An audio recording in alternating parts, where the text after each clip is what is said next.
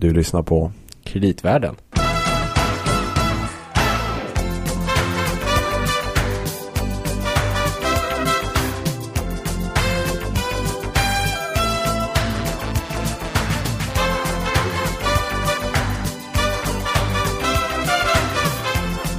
Ja du Louis, Härligt Gabriel. äntligen får vi fortsätta. Tillbaka. Jag är lite spänd på fortsättningen faktiskt. Mm.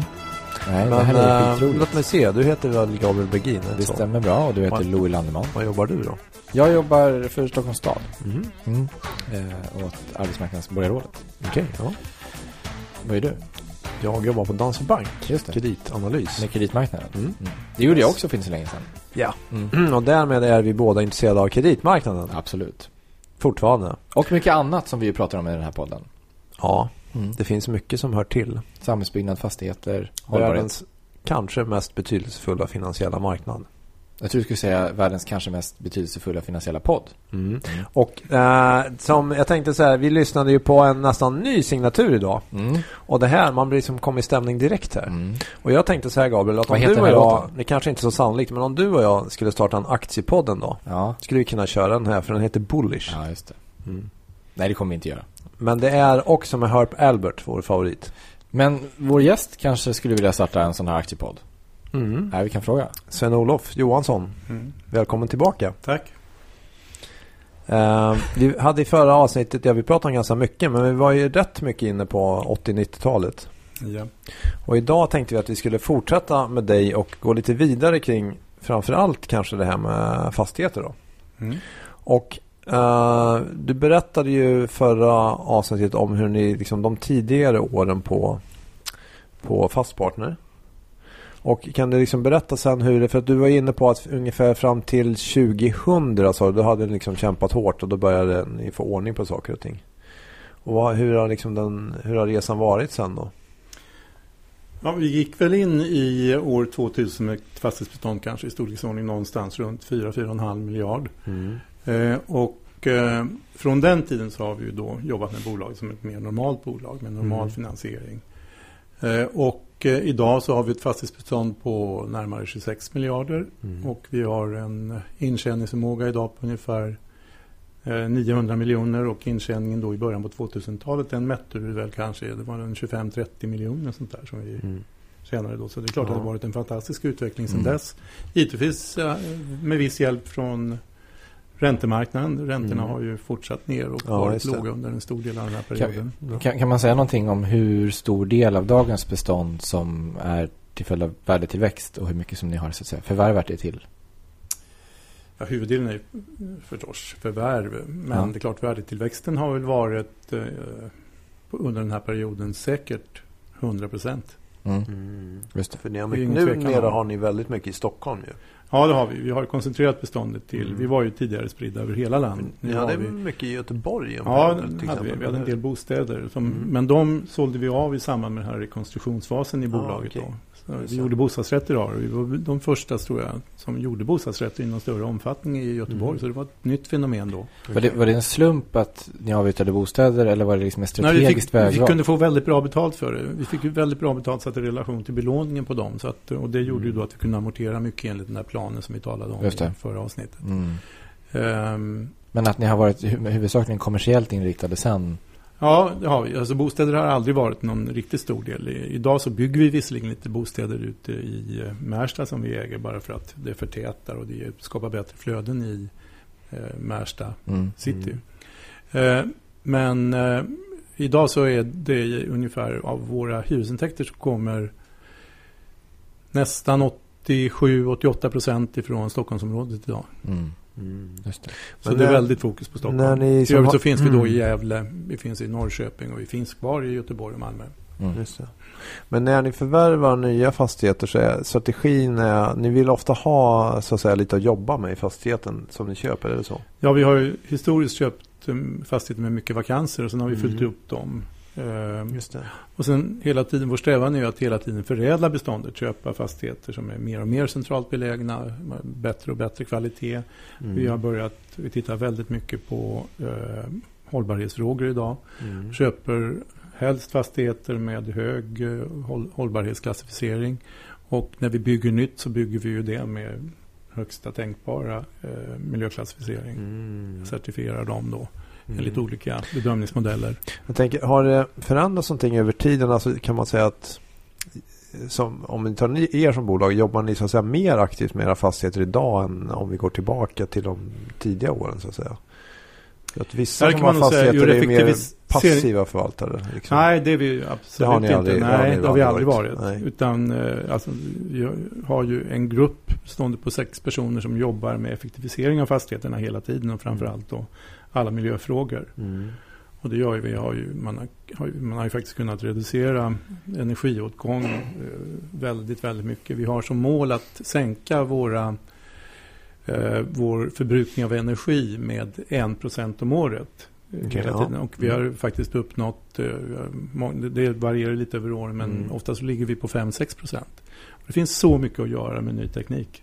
Mm. Och eh, en del fastigheter är ju nästan karaktären nollfastigheter, alltså noll Ja. utsläpp, eh, noll energikostnad. Mm. Men, men det är inte en strategi för att vi pratade lite, eh, det här med att eh, köpa fastigheter som man kan jobba lite mer utifrån vakanssynpunkt Mm. eller eh, kommersialiseringssynpunkt. Det är ingen strategi att köpa sådana som är med, dålig hållbarhetsprofil och jobba upp dem. Tvärtom. tvärtom. Ja, eh, det, det, det, är alltså, det är bättre att köpa en fastighet som har en rimlig hållbarhetsprofil. Just det. Annars så... Det blir för dyrt, Ja, det, det, och ibland är det nästan omöjligt. Ja. Du kan göra väldigt mycket, men för att komma upp och få en bra miljöklassificering på det. Vi gillar ju faktiskt att finansiera oss via Green Bonds. Och jag har Mm. faktiskt idag Ja, varit på talat på, jag har suttit i en panel i en stor konferens som er konkurrent Swedbank har haft Mm. idag. Med eh, investerare från ja, i stort sett hela Europa Mm. som var där. Och eh, alla de är då fokuserade på Green Bond Det finansiering. är många fastighetsbolag som gör gröna obligationer. Ja, det är inte Att så många blivit, hittills som eh, har gjort det. För ja, men det, det ställs rätt stora krav på det. Du måste ju ha ett... Mm. ett- Jag tror det är ett 20-tal som har ramverk. Ja, idag. du måste Så ha ramverk. Ja, det ju följden. Sen Mm. måste du ju ha tillgångar då som Ja, har precis. en Mm. grön prägel och är godkända för grön finansiering. Mm. Sen kan du göra, som sagt miljöinvesteringar i de fastigheterna. De kan du också använda grön finansiering för. Ja, just det. Vad tror du nästa steg på hållbarhetsarbetet eh, blir? Blir det att man även ser mer på livscykelanalys när man gör nyproduktion och sånt där? Och det funderar på materialval? Att, ja, och- ja, visst. Att du, eh, att du hela tiden har recyclable, eh, alltså alla, råvar, alla, Mm. alla Ja, byggnadsmaterial det. som du har. Ska ju vara Ja, återanvändningsbara. precis. Även när du river en fastighet så ska du kunna ta hand om en hel del av Mm. an, återanvända en hel del av materialet. Mm. Och så tänker ju väldigt många idag. Sen så ur energisynpunkt så blir de flesta fastigheter som du bygger idag är ju nollfastigheter. Alltså Mm. som har noll carbon emissions. Mm. Eh, alltså När den en- står där. Ja, Mm. och eh, som dessutom eh, inte kostar någonting i uppvärmning för du har du har eh, eh, sån här geothermal Ja, ja, men du har fjärrvärme kanske? Fjär- ja, nej, fjärrvärme- Inte fjärrvärme? Nej, det tar du bort Mm. mer och mer och ersätter Okej. istället då med, med värmepumpar och med eh, geoenergi. Okej. Och vi, fasat, och vi har fasat ut all vår fossila, vi har en fastighet kvar med, som är uppvärmd med fossila bränslen, bränslen och den fastigheten fasar vi ut, eh, den energikällan nu under innevarande år. Så då har vi Mm.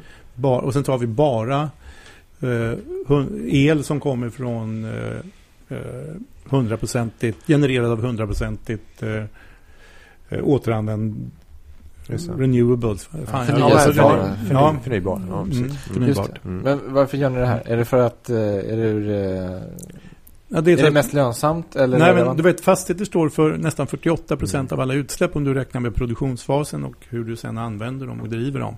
Och det, därför så finns det en fantastisk potential där.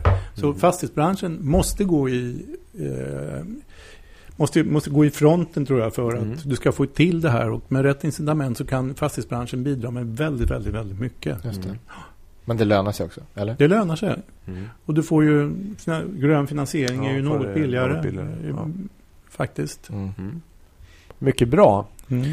Ehm, vi tänkte på en sak, för vi går ju också lite eh, historiskt tillväga här. Vi har ju haft uppe till diskussion uh, i några tidigare avsnitt, bland annat ett jättetidigt avsnitt, Mm. nummer fem, Mm.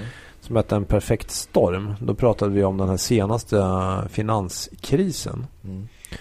Uh, ska vi lyssna Precis. lite kort på det här Lehman Vi älskar att grotta Ja, ner det, här, oss det här har vi lyssnat på några gånger Gabriel. Ja, men inte... Vi tar, en, vi tar en gång till.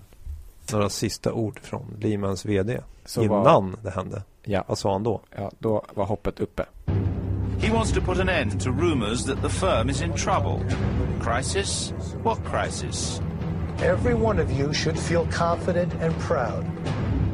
Our firm is strong today, and we will emerge from this cycle even stronger. We've done it before, and we will do it again. Twelve weeks later, the bank went bust.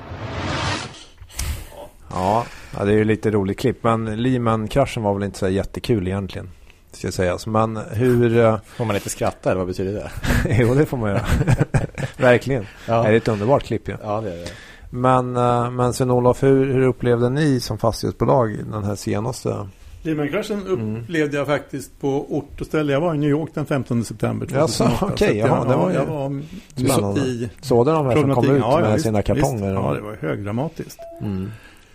Och eh, väldigt många runt omkring var ju rätt aggressiva mot eh, ja, mot personalen. ledningen och personalen Okej, ja, ledningen därifrån, kanske ja. Så Mm. det var väl ingen stor ingen jättebra stämning precis. Eh, Men den svenska fastighetsbranschen verkar, ja, klarat sig ganska bra. ja, men vi märkte ingenting av det. Nej. De som märkte det var ju de stora svenska exportföretagen. Jag vet Volvos orderböcker var ju Mm, helt tomma Mm. under fjärde kvartalet 2008. Det kom ju inte in någonting. Och de, ingen cashflow. De trodde att allt skulle gå Ja. riktigt, riktigt fel. Ja, det var några månader som var riktigt Ja. darriga. Mm. Men så kom ju centralbankerna in, Mm. byggde på likviditeten. Och då gjorde man rätt då enligt, Ja, det, som du ser ja, det kan man ju säga. Mm. Det var ju Mm. Första gången man, man kan säga att det här med att, att eh, arbeta med, med att föra ut likviditet, alltså kvantitativa lättnader som man Mm. säger. Först ut med det och som har byggt hela sin nuvarande utveckling, det är ju Kina. De börjar, den centralbanken börjar med det här tidigt 90-tal Mm. och har öst ut likviditet eh, Mm. via sina halvprivata banker då till allt och alla som då har kunnat Mm. investera i bostäder, köpa bilar, konsumera. Mm. Man har satt igång enorma infraprojekt i, man gör, gör det Mm. hela tiden. Och allt det här med en Mm. centralbank som aldrig har redovisat sin balansräkning. Så att, utan, Men jag tänkte, du är inte... Man gör ju det här. Du är inte, och sen var det ju Fed som lärde sig det här, hur Ja, man skulle göra om man mötte det. den här krisen. Från på det sättet. 30-talet och sen, men du, Mm. du är inte... Nej, man lärde sig av kineserna. Ja, man gjorde en kineserna, ren okej. plankning på den kinesiska strategin. Okej. Men du, du är inte rädd för vad det här kan leda till på sikt då? Att man har så låga räntor och så där, eller? Ja, räntorna i sig när du har en nollinflation är väl inget större problem. Nej. Man ska veta det att nu har ju Fed har ju dragit upp räntenivån Mm. till 2,25 till 2,50. Men balansräkningen är till stor del kvar. Nej, den har man dragit ner med 1000 miljarder dollar. Ja. Så man har gått ner från 4 4500 miljarder dollar till eh, ungefär 3500 miljarder dollar. Mm. Så man har ju faktiskt dragit tillbaka mycket av de här kvantitativa lättnaderna. Och, Mm. och det har ju gjort att likviditeten lite har börjat tajtas till Mm. i USA. Mm. Och framförallt så har ju, så så har ju räntorna gått upp ordentligt. Du vet, Mm. om du tittar, alltså Mm. säg då, idag är ju Feds eh, fundrate, den är ju då 2,25 eller 2,50. Mm. Men ska du ut och låna till en bostad idag, om du har, även om du har en ganska hygglig credit record, har du en riktigt bra kan du låna billigare. Men det, de, bostadslånen ligger på 5,5-6 upp till 7 procent. Mm. För dig som är en hygglig låntagare. Ska du in på billånen, Mm. som för två år sedan var helt gratis, de kostar 7, 8, 9 procent, upp till 17 procent. Idag. Och det här har ju gjort liksom att amerikansk Mm. Det konsumtion kännbart. börjar bromsa in ordentligt. Och tillväxten i amerikansk ekonomi börjar bli sämre och sämre.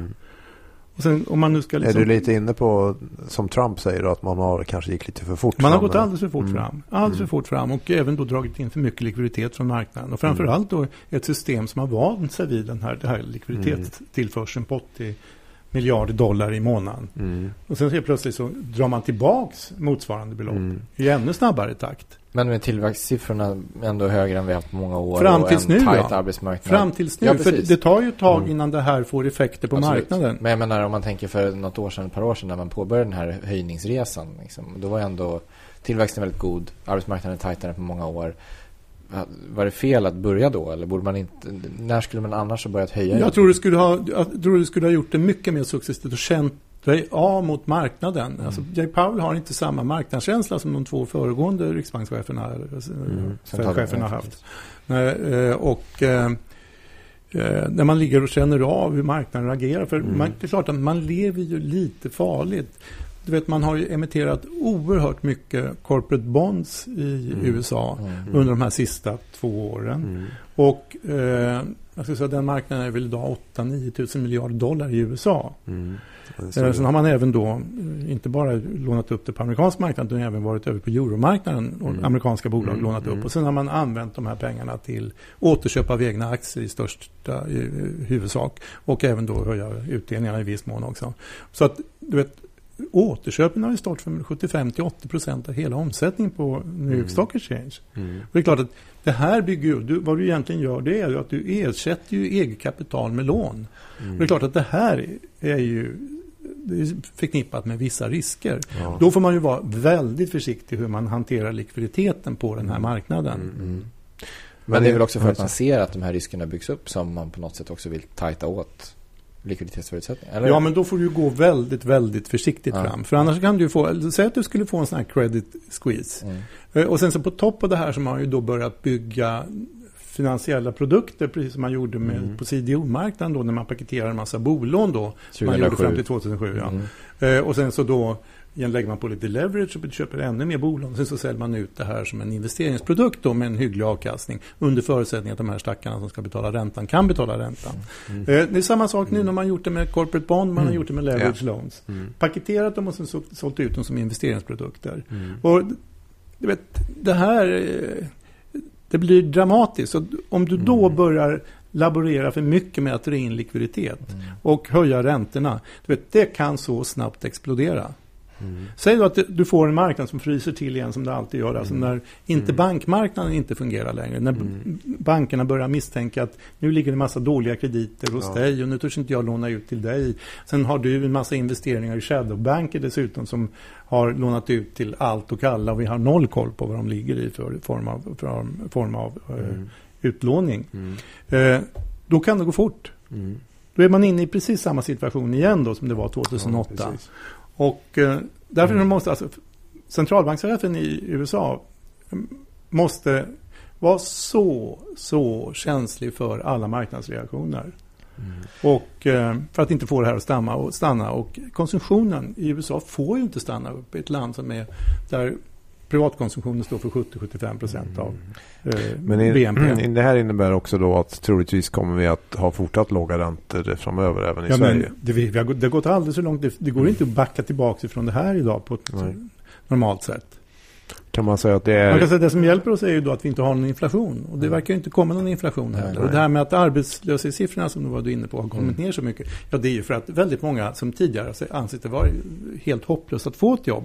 Eh, eh, inte har varit ute på marknaden. Nu börjar ju de komma tillbaka igen. Mm. Och då stiger arbetslösheten igen. För då ser man att fan, nu har alla fått jobb. Nu kanske jag också kan få ett jobb. Tillbaka För det är ju så, ja, det är så den arbetslösheten mäts i USA. Men det, Mm. men det betyder att du tycker också, det här resonemanget, eh, håller, är det samma för Sverige? Alltså tycker du att det är rätt av Riksbanken att ha, ha legat stilla så länge?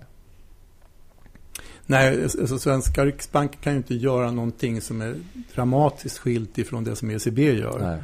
Man kan säga vad Stefan Ingves gör, det är ju ungefär en liten, liten, liten, liten variant. Precis samma eh, policy som man tillämpar i ECB. Ja. Mm. Men för att du kom in på det här väldigt intressanta med obligationsmarknaden igen. Och eh, det där snappar vi gärna upp. För då tänkte det vara intressant att höra då kring det här fenomenet att många fastighetsbolag, inklusive ni, har ju blivit lite mer aktiva på kanske framförallt den svenska företagsobligationsmarknaden. Men även vissa ute på euromarknaden. Ja, vi har ju bara vi, svenska tillgångar så ja. vi gör ju bara kronobligationer. Just det. Men Mm. det har ju skett en omläggning kan man väl säga av era. Om man tittar på era lån så har ni förvisso mycket banklån fortfarande. Men att nu är det också en större andel än tidigare som är obligationer. Mm. Och då innebär det också att man måste skaffa kanske så här rating, publikrating. Så um, det kanske är det både positivt men kan det även finnas risker med det? Om, eller hur ser du på det där? Att man är mer Ja. på kapitalmarknaden som kanske är mindre förutsägbara så här.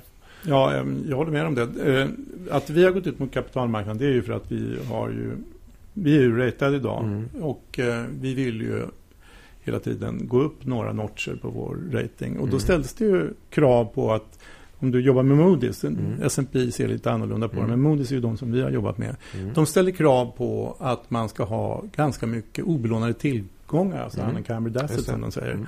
Och eh, sättet att snabbast få fram mycket sånt det är ju att ta upp en obligation och sen så löser du banklån med den obligationen. Mm. Eh, då får du ju loss hela säkerheten. Säg att vi typiskt då har kanske 30% bankfinansiering i en fastighet som vi har. Mm. Och sen så löser du av den. Tar du upp en miljard så kan du få loss då tre eller fyra miljarder i form av obelånade tillgångar. Lite grann så har vi gjort. Vi har inte gjort någon större omfattning än. Mm. Sen ett annat sätt du kan göra det på är att du liksom höjer belåningen på någonting som du vill, något annat, Ja, något du just det. har. Och sen så Mm. kan du mot det då lösa Mm. eh, banklån i andra tillgångar.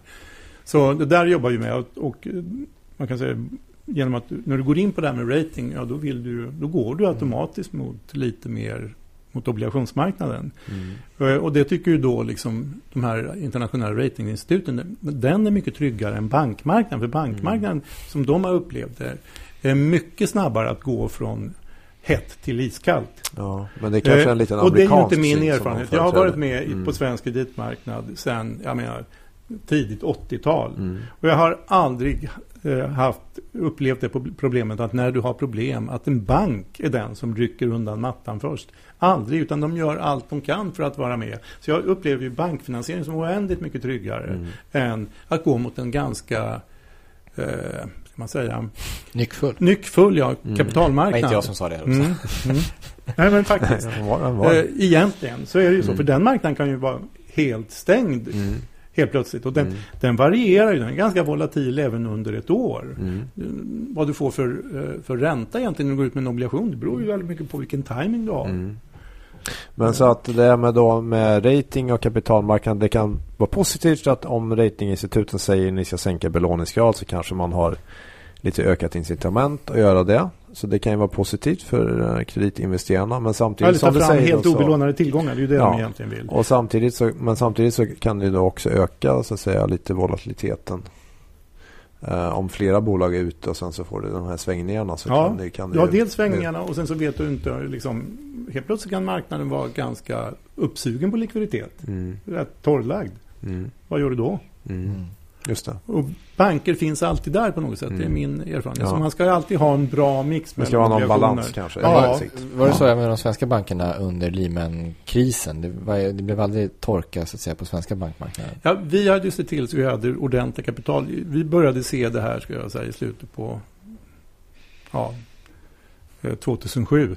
Mm. Så vi band upp kapitalbindning och räntebindning eh, och gjorde det på alla våra krediter. Så vi märkte absolut ingenting av eh, 2008-krisen. Men hade man legat även i banksystemet med kortare Jag tror att krediter? kanske där andra halvåret 2008 Mm. kan det ha varit lite, lite tungt kanske. Mm. Men en, eh, alltså för nyfinansiering, men en bank drar ju inte en befintlig finansiering. Aldrig. Mm. Nej. Så Eller, då vill man gärna det ska, då, ska, då ska du Mm. verkligen ha betett eh, exempellöst Ja. dåligt. Jag tänkte en annan sak som vore intressant att bara diskutera med dig. Det är det här kanske skillnader fastighetsbranschen lite grann förr och nu. Och då tänkte som inledning på det. Ska vi lyssna på ett klipp här Gabriel? Avsnitt 93 med Bo Nordlund som handlar om Ja, han kallar sig själv, eller avsnittet heter väl ännu mer realist. Mm. Alltså, Så här säger om han. verkligt värde. Ja, yieldgapet, för mig är något helt annat än att ta driftnetto till resultaträkning kontra lånekostnader. Därför att, Jag gissar Jag att ser- ditt yieldgap är lägre än... ja det är det. Därför att, därför att jag, jag försöker att ta hänsyn till de här pengarna som måste ut för att hålla husen i Mm. konkurrenskraftigt skick också. Då, de hamnar ju i balansräkningen i första läget idag. Sen har vi ingen avskrivning. Och då, då, blir, då blir det ju mer pengar som ska bort i avbräck innan man kan betala sina räntor. Mm. Så mitt yieldgap är nog någon procentenhet minst lägre än vad en, en eh, som härleder detta ur en resultaträkning. Så att det Bo eh, tar upp lite grann här det är väl kring det här med IFRS som man nu många bolag använder och man gör Mm. marknadsvärdering hela tiden av fastigheterna. Man gör inte avskrivningar och då blir liksom driftnettot ett annat än vad det har varit historiskt som man har de här avskrivningarna. Och ehm, ja, lite grann hur man ska se på det här med hur tycker du själv om du tänker från de tidiga åren när man inte gjorde det här med marknadsvärderingarna väl på samma vis kontra nu då? Eh, är det liksom, finns det en risk att med de här marknadsvärderingarna upp och ner att man redovisningen bygger in en viss volatilitet i intjäningen? Det beror ju lite grann på hur du väljer att göra. Det man kan säga Mm. med IFRS så har du fått en större frihetsgrad egentligen. Hur Mm. du ska sätta, vad du ska sätta för värden på dina fastigheter. Ja. Förr så hade du ett bokvärde och sen så var det ju det som du hade kvar. Ja. Eh, gjorde du investeringar så skrev du upp det där bokvärdet och Mm. lyckades du hyra ut så kanske du kunde justera upp det lite grann. Men Mm. det var ju alltid bra att ha låga bokvärden. Så, Mm. så resonerar man ju. Det var ju en Mm. passiv strategi Typ på det sättet. Men sen kan man säga, idag när vi gör säg, en hyresgästanpassning Mm. Eh, det vanliga underhållet det, skriver, vi- det tar vi ju bort ifrån driftnettot. Det är Ja, en kostnad ja. för oss. Mm. Men om den här tilläggsinvesteringen då eh, ger ökade intäkter Mm. utöver vad vi Ja. annars skulle ha haft. Mm. Och eh, då kan vi till den delen som eh, det ger oss en normal avkastning, en avkastning som är lika hög som den som vi sätter på hela den fastigheten. Mm. Eh, då kan vi balansera upp det i balansen, men aldrig annars. Ja, just Utan då tar vi det som rena kostnader. Men jag Men- tänker med den här, det här sättet att jobba som Jag tyckte man han har. talade om att vi, han eventuellt la, ut på, la det på balansen hela tiden. Den typen Ja, av, nej, av underhållskostnader. Men man kan väl fråga så här. eh, Om man tänker att, att äga en, en kock idag och med de hyresgäster och de krav som de ställer. Eh, krävs det mer och mer så att säga anpass, anpassningsinvesteringar när man hyr ut den på nytt? Eller det byts hyresgäst eller någonting? Finns det då liksom ett naturligt återkommande flöde av, inom situationstecken då, investeringskostnader men som kanske egentligen är helt enkelt driftskostnader som krävs för att kunna hålla den uthyrd? Förstår du vad jag menar? Ja, jag förstår precis vad du menar. Men i, det- Har man, det ändrats över åren menar jag? Liksom? Ja, alltså i varje uthyrningssituation, när du gör en eh, hyresgästanpassning så höjer du nästan alltid standarden på den fastigheten. Vilket innebär att du också kan få ut en högre hyra. Mm. Och då förräntar ju den hyran då, den högre hyran, hela investeringen. Men det är klart att ofta så, det här är ju återkommande investeringar. Låt säga att du däremot skulle befinna dig i ett läge med fallande hyror. Ja, då ser ju situationen lite annorlunda ut. Mm. Mm. Nej, jag tror vad han är inne på lite grann också var det du nämnde själv. Vilket är att med de här nya marknadsvärderingarna så kan det bli så att det kan bli en större skillnad mellan hur olika bolag gör. Och Det- vilket alltså, kan minska däremot- transparensen Ja, för de alltså, jag som säga. oss som ska titta på det. Det håller jag med om. Alltså, Mm. Det varierar ju högst avsevärt Ja. hur folk väljer att göra de här underhållsinvesteringarna, hur man det. väljer att bokföra dem. Ja. Många balanserar upp väldigt mycket av de Exakt. investeringarna på, på Ja. fastigheterna.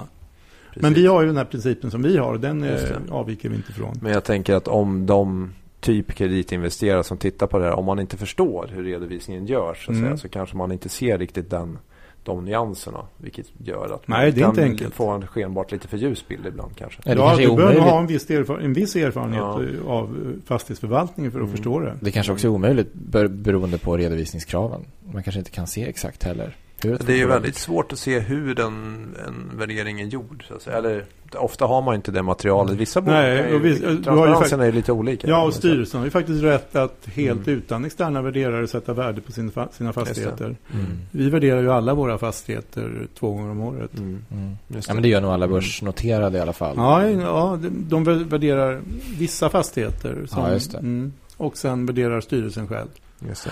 Just det. vår, vår poäng är väl lite grann, och det är därför vi har haft med Bo Nordlund, är väl att nu när fastighetsbranschen är större på kapitalmarknaden så är det viktigt att fler på vår marknad förstår de här sakerna. För jag Ja. tror att på bankmarknaden förstår man lite bättre eftersom man har längre erfarenhet med Mm. branschen, hur man gör de här sakerna. Mm. Men att det är värt att, att beakta det här med Mm. den problematiken. Eh, men cashflow-analysen är ju bra för Mm. eh, bankerna överhuvudtaget att göra på varje bolag. För det Ja. varierar ju. Ja. Eh, finansieringsanalysen innehåller ju, håller ju vas- väldigt mycket information kan man säga. Mm. Mm. Precis. Precis. Vad, eh, men förutom då marknadsvärderingssituationen med allt vad den då innebär. Finns det några andra saker som du tycker utmärker dagens fastighetsmarknad? Du som ändå har varit på den eh, mer, längre än de flesta. Kontra, kontra förr menar du? Eller? Ja, precis. Jag tycker marknaden är mycket mer i balans nu. Eh, förr så förekom det mycket, mycket mer späckbyggnation. Det gör det ju inte överhuvudtaget. Idag så går man inte in och gör, framförallt man gör inte en, eh, en ny konstruktion av en fastighet. Det gör man ju inte om man inte har den i stort sett helt och hållet uthyrd. Nej. Eh, Du gör inte några stora ombyggnadsinvesteringar heller i en fastighet om du inte har en hyresgäst för det. Mm. Så att det gör ju att marknaden har ju varit i balans. Det har inte kommit ut någon form av spekulationsbyggnation. Eh, måste jag säga de här, under, de här, under hela 2000-talet. Nej. Utan en mark- marknad som är ganska bra i balans. Och sen kan man ju säga att sen har ju Stockholm som ort vuxit fantastiskt under Mm. eh, de här senaste 20 åren. Ja. Och det har ju gjort att det hela tiden funnits en överefterfrågan på, av, på fastighetsytor att hyra. Men så- Kontorsytor i första hand. Men sen ska jag säga då att kanske, spe- bygga på spekulation, men att det är kanske på bostadssidan där du har haft de här lite mer projektriskerna kanske Ja, det, på senare där, tid. har ju, där har man ju kommit lite fel med utbud. Man har ju byggt för en marknad som är alldeles för exklusiv mot vad Mm. eh, Vad som folk har efterfrågas. efterfrågat. Ja. Så man kan säga att marknadsanalysen har ju varit obefintlig. Men har man kunnat bygga billigare, höll jag på? Alltså, Ja, mindre exklusivt ja. Du, Ja. Det lättaste sättet att få en lägre hyra det är ju att du komprimerar lägenheten. Att du bygger Mm. mindre lägenheter men med samma egentliga funktioner. Mm. Eh, och det gör att du får ner kostnaden där per månad och det är egentligen den som är det väsentliga. mm. Ni har väl några sådana projekt? Ja, vi har ett par sådana projekt. Mm. Där vi gör, alltså snittlägenheten ligger på runt 39 kvadratmeter i snitt. Vad- Och du kommer ner på månadskostnader runt 8 000. Okej. Mm. Och där finns det ju en marknad. Det är ju den Mm. marknaden som finns Mm. idag. Just det. Och då är det Och hyresbostäder. sen gör ju vi inte Mm. bostadsrätter. Nej, vi har gjort det lite grann i samarbete med Gabiet Case och eh, vi kanske gör en del ihop med Mm. Slättö nu. En så här, sista liten avrundning skulle vara intressant att höra din syn på. Jag tänker som fastighetsbolag är man en ganska viktig aktör i samhället. Och ni är ju även ganska aktiva i flera förorter och sådär och har Mm. olika. Vad ser du själv både, jag tänker så här. Ja, vilken typ av arbete bedriver ni och vad ser du själv, ja, hur ska man säga, risker eller vad, eh, vad ser du som händer i samhället? Ja, vi äger ju några här så kallade utsatta utanförskapsområden. Och eh, det är Till Tensta. Rinkeby och Ja. ja. det är väl de i första hand. Eh, och eh, där har vi ju ett väldigt stort socialt engagemang. Mm. Och vår ursprungliga, eller vår viktigaste uppgift är ju att eh, vi ska se till så vi skapar rimliga förutsättningar att driva verksamhet i våra lokaler. Vi, vi äger ju de här så kallade stadsdelscentrum som i Mm. Huvudsak levererar social service till de som bor i området. Alltså barnavårdscentraler och eh, Bibliotek, social eller? förvaltning, Mm. bibliotek och den typen Mm. av, av eh, ytor. Mm. Konsthall har vi ju i Tensta till exempel som är väldigt Ja. uppmärksammad som sköts Mm. fantastiskt som vi spons, sponsrar. Sen sponsrar vi ju då eh, jobb. Vi ser till så att det finns, eh, tillhandahåller alltid 30-35 sommarjobb i, för enklare jobb då, en del underhållsjobb. Eh, jobbar med lite grönytor, eh, Mm. gör en del eh, städjobb. Och eh, 35 ungdomar varje sommar där, som får då minimilön, alltså 115 kronor i timmen. Mm. Och då är det ju betydelsefullt för dem. Det en, gör en enorm skillnad för dem att eh, om de är där och jobbar åtta timmar om dagen så tjänar de 800 kronor. Mm. Och det är ett väldigt bra alternativ till annan aktivitet som man skulle kunna hålla, annars kunna hålla på med. Och då, då får man ett intresse för att komma in i marknaden. Man får inte liksom, Ja, ska du ha dem så ska de känna, känna att det här gör en enorm skillnad om jag har ett Mm. jobb eller inte har ett jobb. Mm. Och eh, det där har ju fått till följd, vi har ju nästan ingen åverkan på våra lokaler. Okej, ja. Det är fantastiskt. Ja, Men på lokaler i närheten? Ser ni någon skillnad liksom, på era lokaler och andra lokaler i områden? ja det är en viss skillnad. Mm. Kommunen äger lokaler mm, som har betydligt större slitage än vad våra har. Mm. Inte långt därifrån. Och hur tycker du Eller annars går fastighetsbolag. liksom, eh, utvecklingen åt rätt håll på de här? Jag tycker faktiskt att det Ja. går åt rätt håll. Mm. Eh, absolut. Eh, och eh, från det att vi började där så det, det är en enorm skillnad i problematik. Eh, sen de här skjutningarna, det, det är ett så specifikt problem. Och det, Mm. det, det kan uppkomma precis var som helst. Eh, Mm. Så det, det är inte ett eh, specifikt problem för just eh, våra De lokationer ställena, där. nej, utan- det. Ett tag var det svårt att hålla liksom, verksamheter öppna. Som är, var allt för nära de publika torgen. Liksom. Eller så att eh, Kista centrum eh, till exempel. Eller Ja, i Rinkeby centrum. Ja, alltså vi hade, ju det faktiskt, nu, vi hade ju en skjutning på en, inne, inne på en av våra, våra restauranger och det var, blev ju ganska uppmärksammat. Mm, just Så det är klart att det är inte lätt att driva en verksamhet när, någon, när en gäst kan riskera att bli skjuten. Men det där det försvinner alltså. Eh, alla förstår precis ursprunget för det och Mm. det finns en stor tolerans för att det här kan förekomma. Och man, Mm.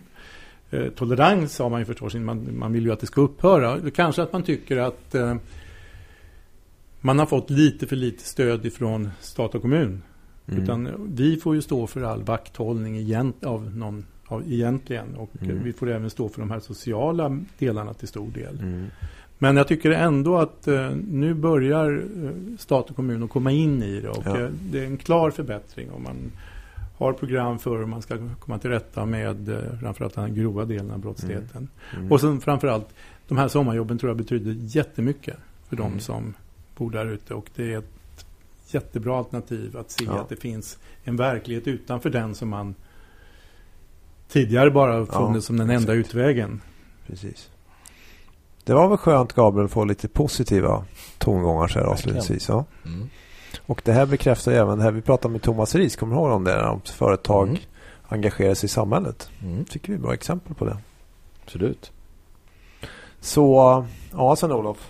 Fantastiskt. Stort tack att du var med. Du var med och firade. Vad sa du? Du var med och firade oss. Mm. Vårt Ja, ja, hundrade ja, avsnitt. men jag var jätte, jag- jättehedrad att vara med i avsnitt 100. Ja, wow. Mm. Stor grej. Mm. Bra. Ska vi runda av sådär då Gabriel? Jag tycker det. Men det ska vi väl lyssna med på någon mästertrumpetare här som avslutning när Sven-Olof är med eller? Ja. Kanske det. Roy Hargrove gillar det. Ja. Vi tar något med honom. Fantastiskt. Vi hörs. Det gör vi. Mm. Hej hej. Hej.